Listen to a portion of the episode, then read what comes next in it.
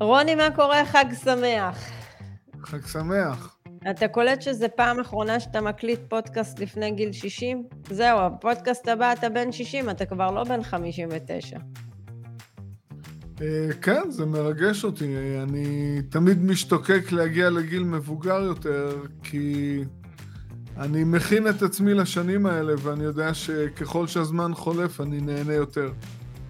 בוא'נה, אתה יודע, אם מסתכלים על הערוץ יוטיוב שלנו וחוזרים אחורה בזמן ל-2019, איך נראינו ואיך אנחנו נראים היום, אה? אנחנו אה, מזדקנים ביחד עם הפודקאסט. אנחנו מזדקנים ביחד עם הפודקאסט. כן. משתבחים, משתבחים. כן. טוב, בסדר. אז אה, זהו, זה פרק אחרון של רוני בן 59. עדי, תעשי לו בלונים, משהו, איזה אימוג'י. אולי תשים לך כובע. רגע, בסיישל אנחנו לא נעשה פודקאסט. לא. טוב. אבל הפודקאסט הזה יעלה שאנחנו בסיישל, אז זה נחשב? כן, אבל חשבתי אולי אה, לשבת עם אה, קוקוס ביד, חצי הישרדות. איזה הישרדות בסיישל רוני בריזורט? כן, אוקיי.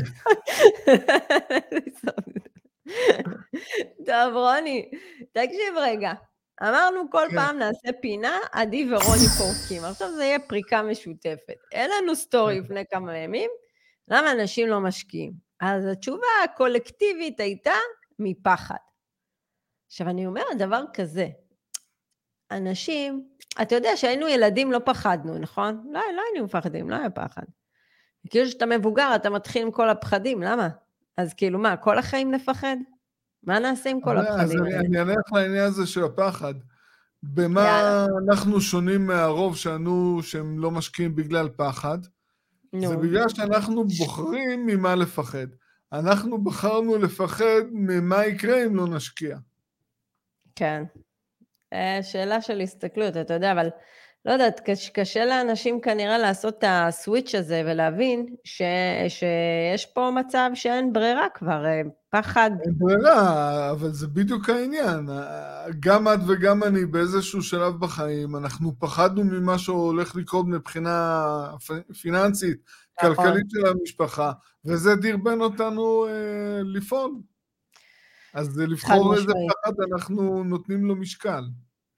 חד משמעית. Uh, טוב, תראה, אני אגיד לך מה, היום יש לנו פרק ש... שגורץ, צריך לגרום לכל האנשים פה קצת להתעורר. והפרק אומר דבר כזה, האם כדאי לשבת על הגדר ולא להשקיע? אז אנחנו נעשה פתיח ואז אנחנו נתחיל את הפרק. אוקיי. Okay.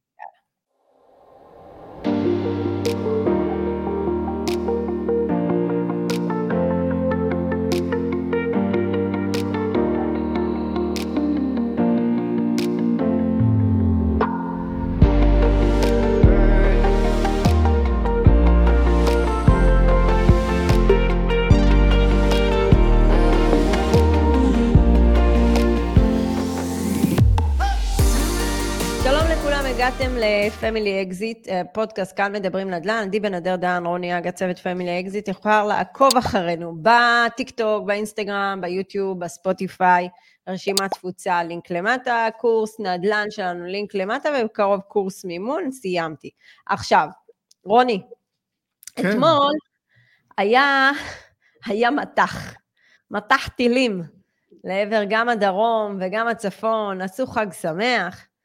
אה, ואתה יודע, זה, זה יוצר קצת uh, תחושה לא נעימה. אבל מה קרה עם המטח uh, שהיה על עבר הדרום והצפון? המטח בחו"ל עלה. בדיוק, זה מה שבאתי להגיד. אתמול, אתה יודע, כן. עשיתי חג, עשינו על האש, אז גם עדי הייתה איתנו, אז היא דיברה על המטח טילים, אז אמרתי השלי היה מטח בעו"ש. המטח גם אה, עלה כלפי מעלה. המטח גם עלה. אבל אתה יודע, זה מוביל אותנו לעוד משהו. אתה אמרת משהו יפה. אתמול בשעה, בשעות הערב, אה, במוצאי החג, הקבינט התכנס כדי לקבל החלטות. נכון, okay? אוקיי? יש סיטואציה, צריך אה, לקבל החלטה, איך להגיב.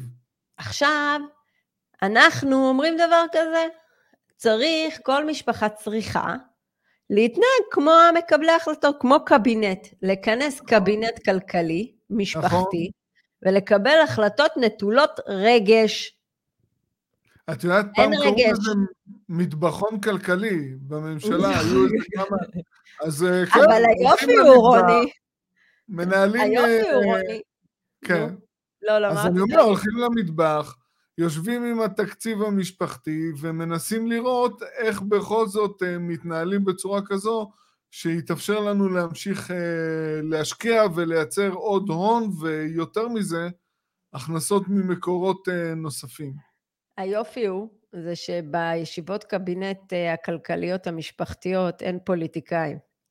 נכון. אז, אז קבלת החלטות צריכה להיות קלה יותר. המכשול במפגשים של המטבחון הכלכלי המשפחתי זה ההכנסה של הרגש. אז רגע, שנייה. נניח ניטרלנו את הרגש, אבל מה שאני אה, רוצה להגיד לגבי המטבחון אה, הכלכלי, או מה שזה לא יהיה, אה, אנשים צריכים להבין שהאש זה יוקר המחיה, על נכון. זה הם נכון. צריכים לשים את הפוקוס, וזה הטיפול שלהם צריך להיות. זה פיגוע עכשיו, כלכלי. זה פיגוע כלכלי. עכשיו, כאילו, אתה יודע, אני לא רוצה להיכנס לפוליטיקה. זה לא משנה איזה צד אתם במפה, לא, זה לא משנה. לא. אבל אני אומרת דבר כזה, זה לא משנה איך. כרגע האש מוסטת מיוקר המחיה לדברים אחרים.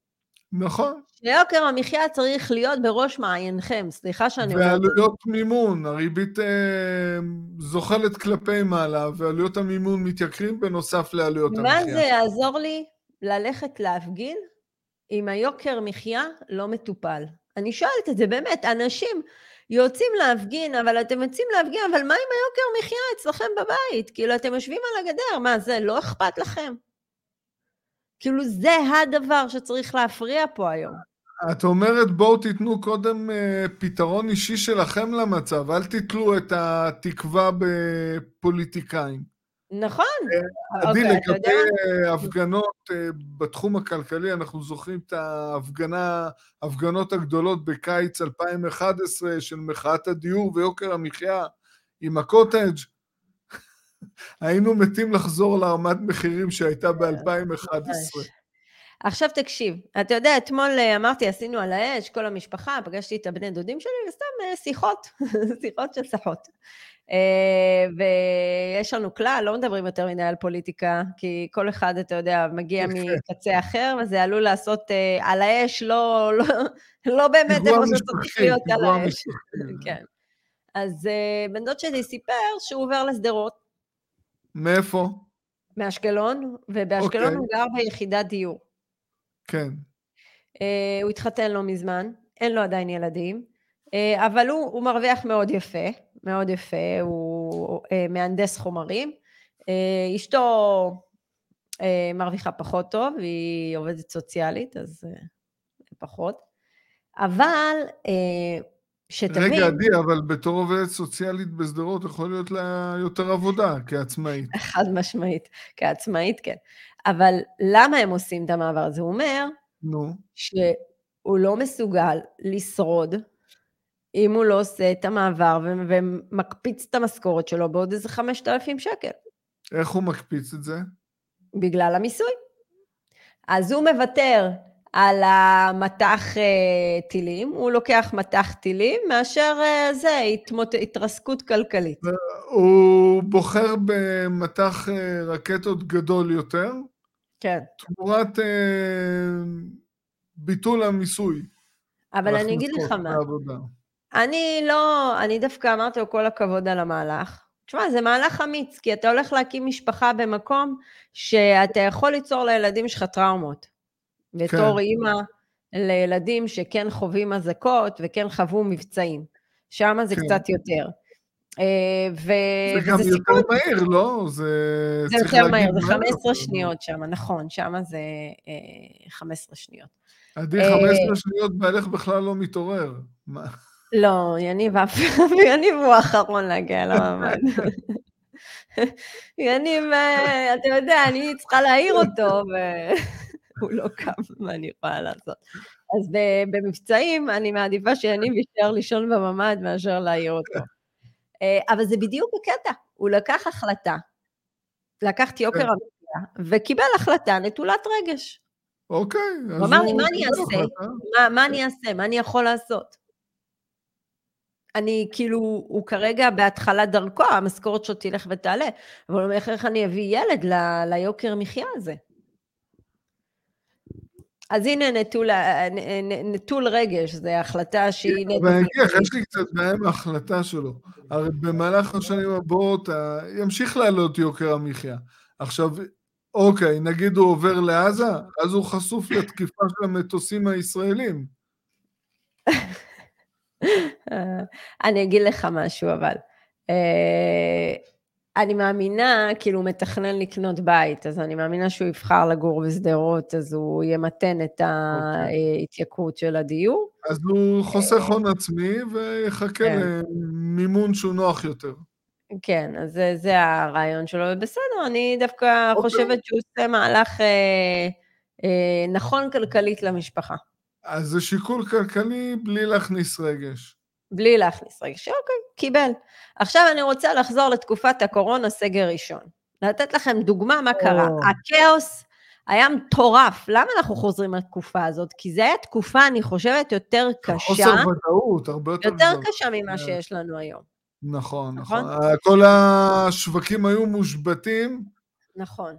ועורכי דין... כן. מה קרה לנו? דין, אני רוצה לספר, עורכי דין באנגליה, בכל פעם שקיבלנו נכס, הם הזהירו מהקורונה, והזהירו, היה חוק באנגליה, שהיה אסור להראות דירות להשכרה. זאת אומרת, היה צריך לה, להצליח להשכיר אותם באמצעות היוטיוב. אז כן. רגע, שנייה. בסדר, הם פחדו כנראה שהחיידקים יאכלו את הנכס. אה, אז היו לנו בעצם, בעצם היה פרויקט בשיא הסגר, הראשון שהיינו צריכים לקבל. כולם היו היסטריים, כולם היו דרוכים. אבל מה לעשות, אה, עסקה זו עסקה. התחייבנו, נגמר הסיפור. אבל מינפנו את זה. אבל מינפנו את זה. אז אה, יש לנו לקוח, ואגב, הוא כתב לנו היום הודעה, שקנה דירה ב-85,000 pound. השכירות דאז הייתה 550. Uh, היום הוא שלח לנו הודעה שהשכירות קפצה כבר uh, ל-625. אז אנחנו מדברים על תשואה ברוטו של 8.8 ותשואה נטו של 6.6, אבל הוא קנה את זה גם בפאונד נמוך. אז כאילו, מה קרה לו?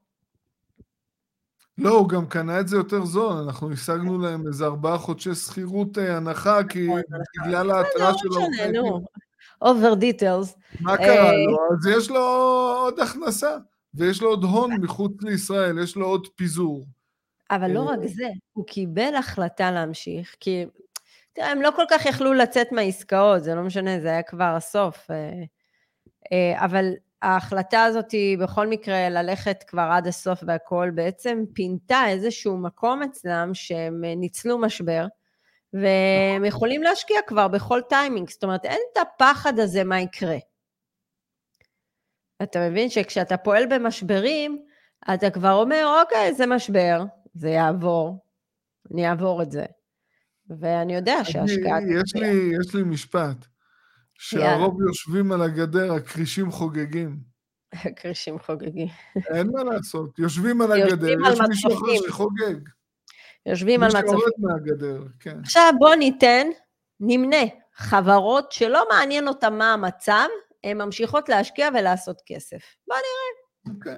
תסכים איתי שקרנות הפנסיה ובתי השקעות לא מפסיקות להשקיע שיש רפורמה, או רגע, שיש קורונה, נכון, או שיש רגע, משהו? אותם אלה שיושבים על הגדר, מדי חודש מפרישים משכר העבודה שלהם לקרנות הפנסיה שממשיכות להשקיע. נכון, אבל עליהם הם סומכים, רוני. כן. כן. חוץ מזה, הממשלה ממשיכה? היא ממשיכה להעביר תקציב? נכון. יש כן? משברים, נכון, היא צריכה לתת... העבירה תקציב בקורונה? העבירה. רגע, מה עשו בקורונה? קיבלו החלטות? החלטות כן. uh, לתת uh, הערכה של אבטלה? נכון. ההחלטות לתת מענקים לאזרחים, קיבלו החלטות או לא קיבלו החלטות? נכון. קיבלו, נקודה. עבר תקציב, נכון? עכשיו בקורונה עובר, עכשיו ברפורמה עובר תקציב? כן. לא מפסיקים את החגיגה, נכון? לא מפסיקים לעבוד, לא מפסיקים לנשום, ממשיכים. תמשיך. חברות מסחריות מפסיקות? מה פתאום? צריכים לשלם משכורת, אה, יש להם התחייבויות, יש הלוואות. אז מה הם עושים שיש משבר? אדפטציה. אז הם מתכנסים, אה, מקבלים החלטות, אם צריך לפטר, אם צריך אה, לטפל בבעיות של אבטלה סמויה, אם צריך מיזמים או פרויקטים שהם לא רווחיים להיפטר מהם, אז נפטרים מהם. אבל נכון. ממשיכים. אדפטציה. נכון. קח את רמי לוי, מה הוא עושה? עובד. רק ממשיך לגדול, לא? נכון. משבר לא משבר. וגם הבעלים של פוקס, אותו דבר. כל החברות הגדולות, כולם פועלים. כולם פועלים. עזבי, אנחנו... קחי עכשיו את החברות הייטק, שהתחום הזה בכלל, בלי קשר לישראל, נמצא במשבר כלל עולמי. חד משמעית. אז מה, אז הם מפסיקים לעבוד? לא, ממשיכים. צריך להמשיך לייצר. עוברים את המשבר, ואז יוצאים לריצה חדשה, קדימה. עכשיו, יש לי שאלה אותך. אל, אליך. דיברנו על חברות וכל זה. קח את האזרח הפשוט, אני, אתה, לא משנה מה. כן. מה עושים שהם רואים את הסיטואציה? לא משנה איזה משבר זה. רגע, אני אשאל אותך שאלה, במדינת ישראל מפסיקים המשברים?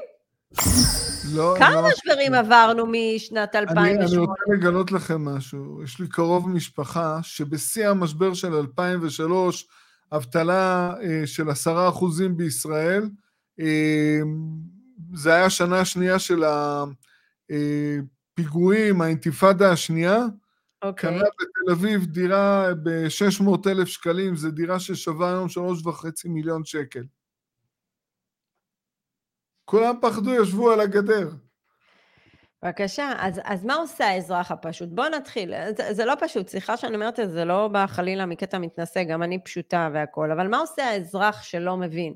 שאין לו את הרקע העסקי, שאין לו את הכלים המנטליים, כן, אה, לשאוב את ה, את ה... להכיל את מה שקורה. אוטומטית מרים ידיים, יושב על הגדר. רגע, אחד הוא נכנס לדיכאון. רגע, יש חדשות, מה עושים? בואו נתדלק אותנו בחדשות, בואו נזין את עצמנו, ואז נלך לחסום כבישים, הפגנות, לא משנה מאיזה צד אתם, ונכניס רק אנרגיה מורידה דרך התקשורת. מעולה. עוד דבר שהם עושים זה מצב נסיגה, הגנה. בוא, בוא רגע. נשמור את כל המשאבים אצלנו. אני רוצה לראות מה קורה בשוק ההון. מה, מה, מה קורה? מה יכול לקרות? מה, מחר זה הריבית אה, פתאום תרד? האינפלציה תרד, אז כאילו מה, פתאום חברות רגע, אה, לא יהיו בקשיים? מתי, מתי חוזרים להשקיע? אחרי שהבורסה תעלה 100%? אז מה אומרים? ישיבת ה... אין ישיבות קבינט כלכלי. מה אומרים? בוא נשב על הגדר. בוא נמתין. אני רוצה לחשוב על זה. עד כן. מתי? עד מתי? לא יודע, תשאלי את האזרחים באנגליה, שיש להם רצף משברים מ-2008, 15 שנים. אה, משבר אנרגיה. מה קרה עם המשבר אנרגיה? בסוף הם הביאו, בסוף הם הביאו אנרגיה, נכון? כן, מצאו פתרון. הביאו, עלה להם טיפה יותר כסף, אבל הביאו, נכון? אז כן. מוצאים פתרונות, נכון, אבל לא. מה עושה הממשלה והתקשורת? מפחידה את כולם, יוצרת משבר. בוא ניצור משבר אנרגיה. עדי, כל מי שמכיר את ההיסטוריה של מדינת ישראל, זה... זה... מלאה משברים. רצופת משברים, אז מה, אז הרמנו ידיים? רוני, אתה יודע שעכשיו אני בקטע של... אה, שאלתי גם את סבתא שלי, ואני שואלת עכשיו הרבה, קראתי כן. גם אותך, אני בקטע של קצת לחזור לשורשים שלי וללמוד אותם. אז באמת, כאילו, אני קוראת את הספר מפריח היונים, וגם הסתכלתי המון על אה, סרטים ביוטיוב, על המעברות קצת וזה, אתה שומע אנשים, חיו במעברות 12 שנים, 12 שנים, ובסוף מה? הם, הם הצליחו לשרוד את זה, הם יצאו מזה, אתה שומע כל מיני סיפורים, נכון, יש גם סיפורי זוועה, אני לא אומרת שלא והכול, אבל לא משנה לאורך ההיסטוריה איפה אתה מסתכל, כל הזמן משבר, כל הזמן משבר. קח את יהודי פולין, הם היו ב... איך זה נקרא? הם היו בשואה והכול, הביאו אותם לפה, הכניסו אותם למעברות, חלק מהם. כן, ואז היה תקופת הצנע גם, היה הגבלה של אוכל, כן. אה, שמו אותם באוהלים, אה, אחר כך העבירו אותם לפחונים, מה, כאילו, תראו כמה משברים המדינה הזאת, היא מלחמת uh, יום העצמאות, אחר כך עוד מלחמה, מלחמת כיפור, זה, זה, כאילו, זה לא נגמר. אז מה עושים? יושבים על הגדר? לא יודעת מה עושים. מה עושים? את יודעת מה, בינינו, את רוב ההון שלנו, האישי, אנחנו צברנו בזכות משברים. משברים, נכון, נכון, חד משמעית.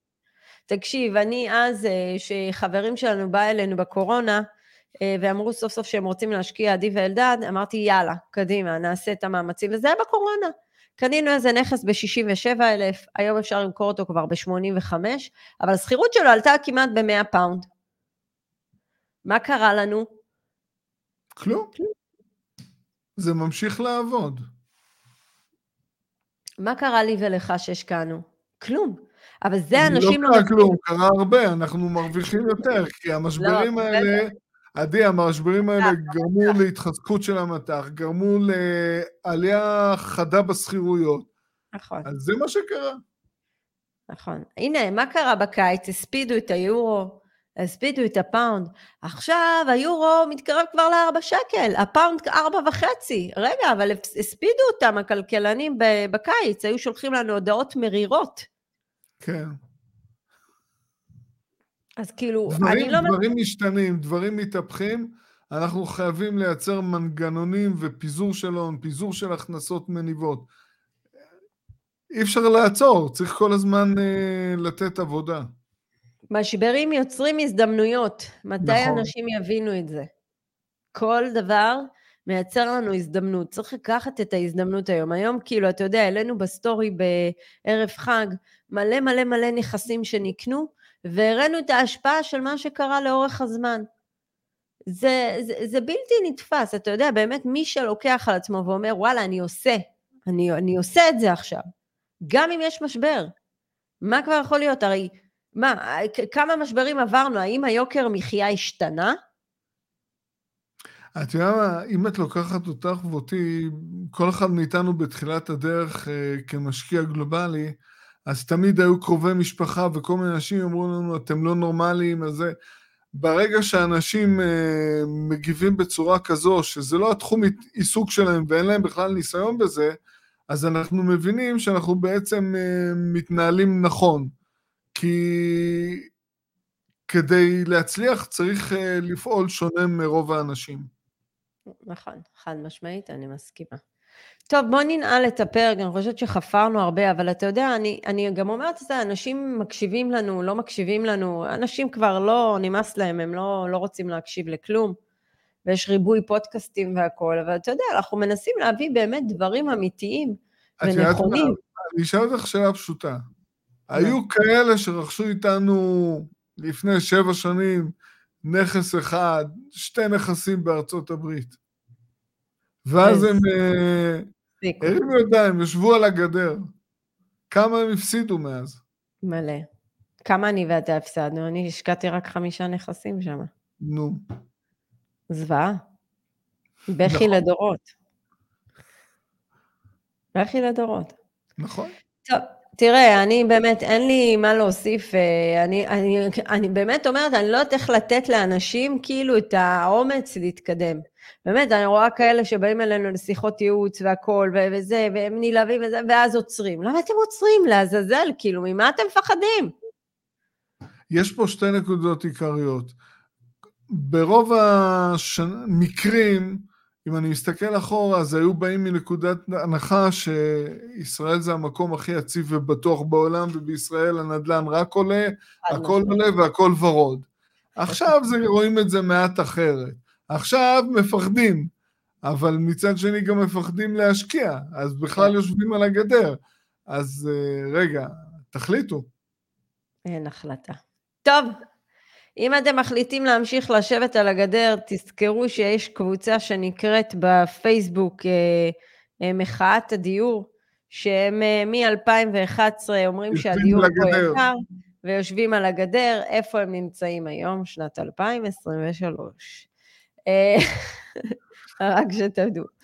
אה, טוב, רוני, אז uh, אנחנו נהנה עכשיו בסיישל, אולי בזמן שאתם שומעים את הפרק אנחנו מש... משנרקלים, אין לדעת. ואנחנו נאחל לכם אה, לדעת לקבל החלטות ולהפסיק לשבת על הגדר, כי על הגדר לא יצא לכם שום דבר. לעולם, וזה לא משנה לאיזה צד. פשוט בא מישהו שהוא הרבה יותר אמיץ מכם, ולוקח את ההזדמנות שהייתה נכון. אמורה להיות שלכם. זה הכל. זהו? זהו, כן. אם אתם רוצים לדעת עוד, ולקבל עוד אומץ, ושאנחנו קצת נדריך אתכם, אז יש קורס שנפתח ואתם מוזמנים אליו, 62 אה, שיעורי אונליין, פלוס חמישה שיעורי זום, באמת מטורפים. אה, לומדים איך עושים שם ניתוחי נכסים, איך מסתכלים על שוק הנדל"ן ואיך מפסיכים לעזאזל לפחד, וגם לייצר הזדמנויות וגם להשקיע במשברים, שזה הכי חשוב. שיהיה לכם חג שמח שני, ואנחנו נתראה אה, בעוד שבועיים. בהמשך. יאללה רונקה, ביי ביי. ביי, להתראות.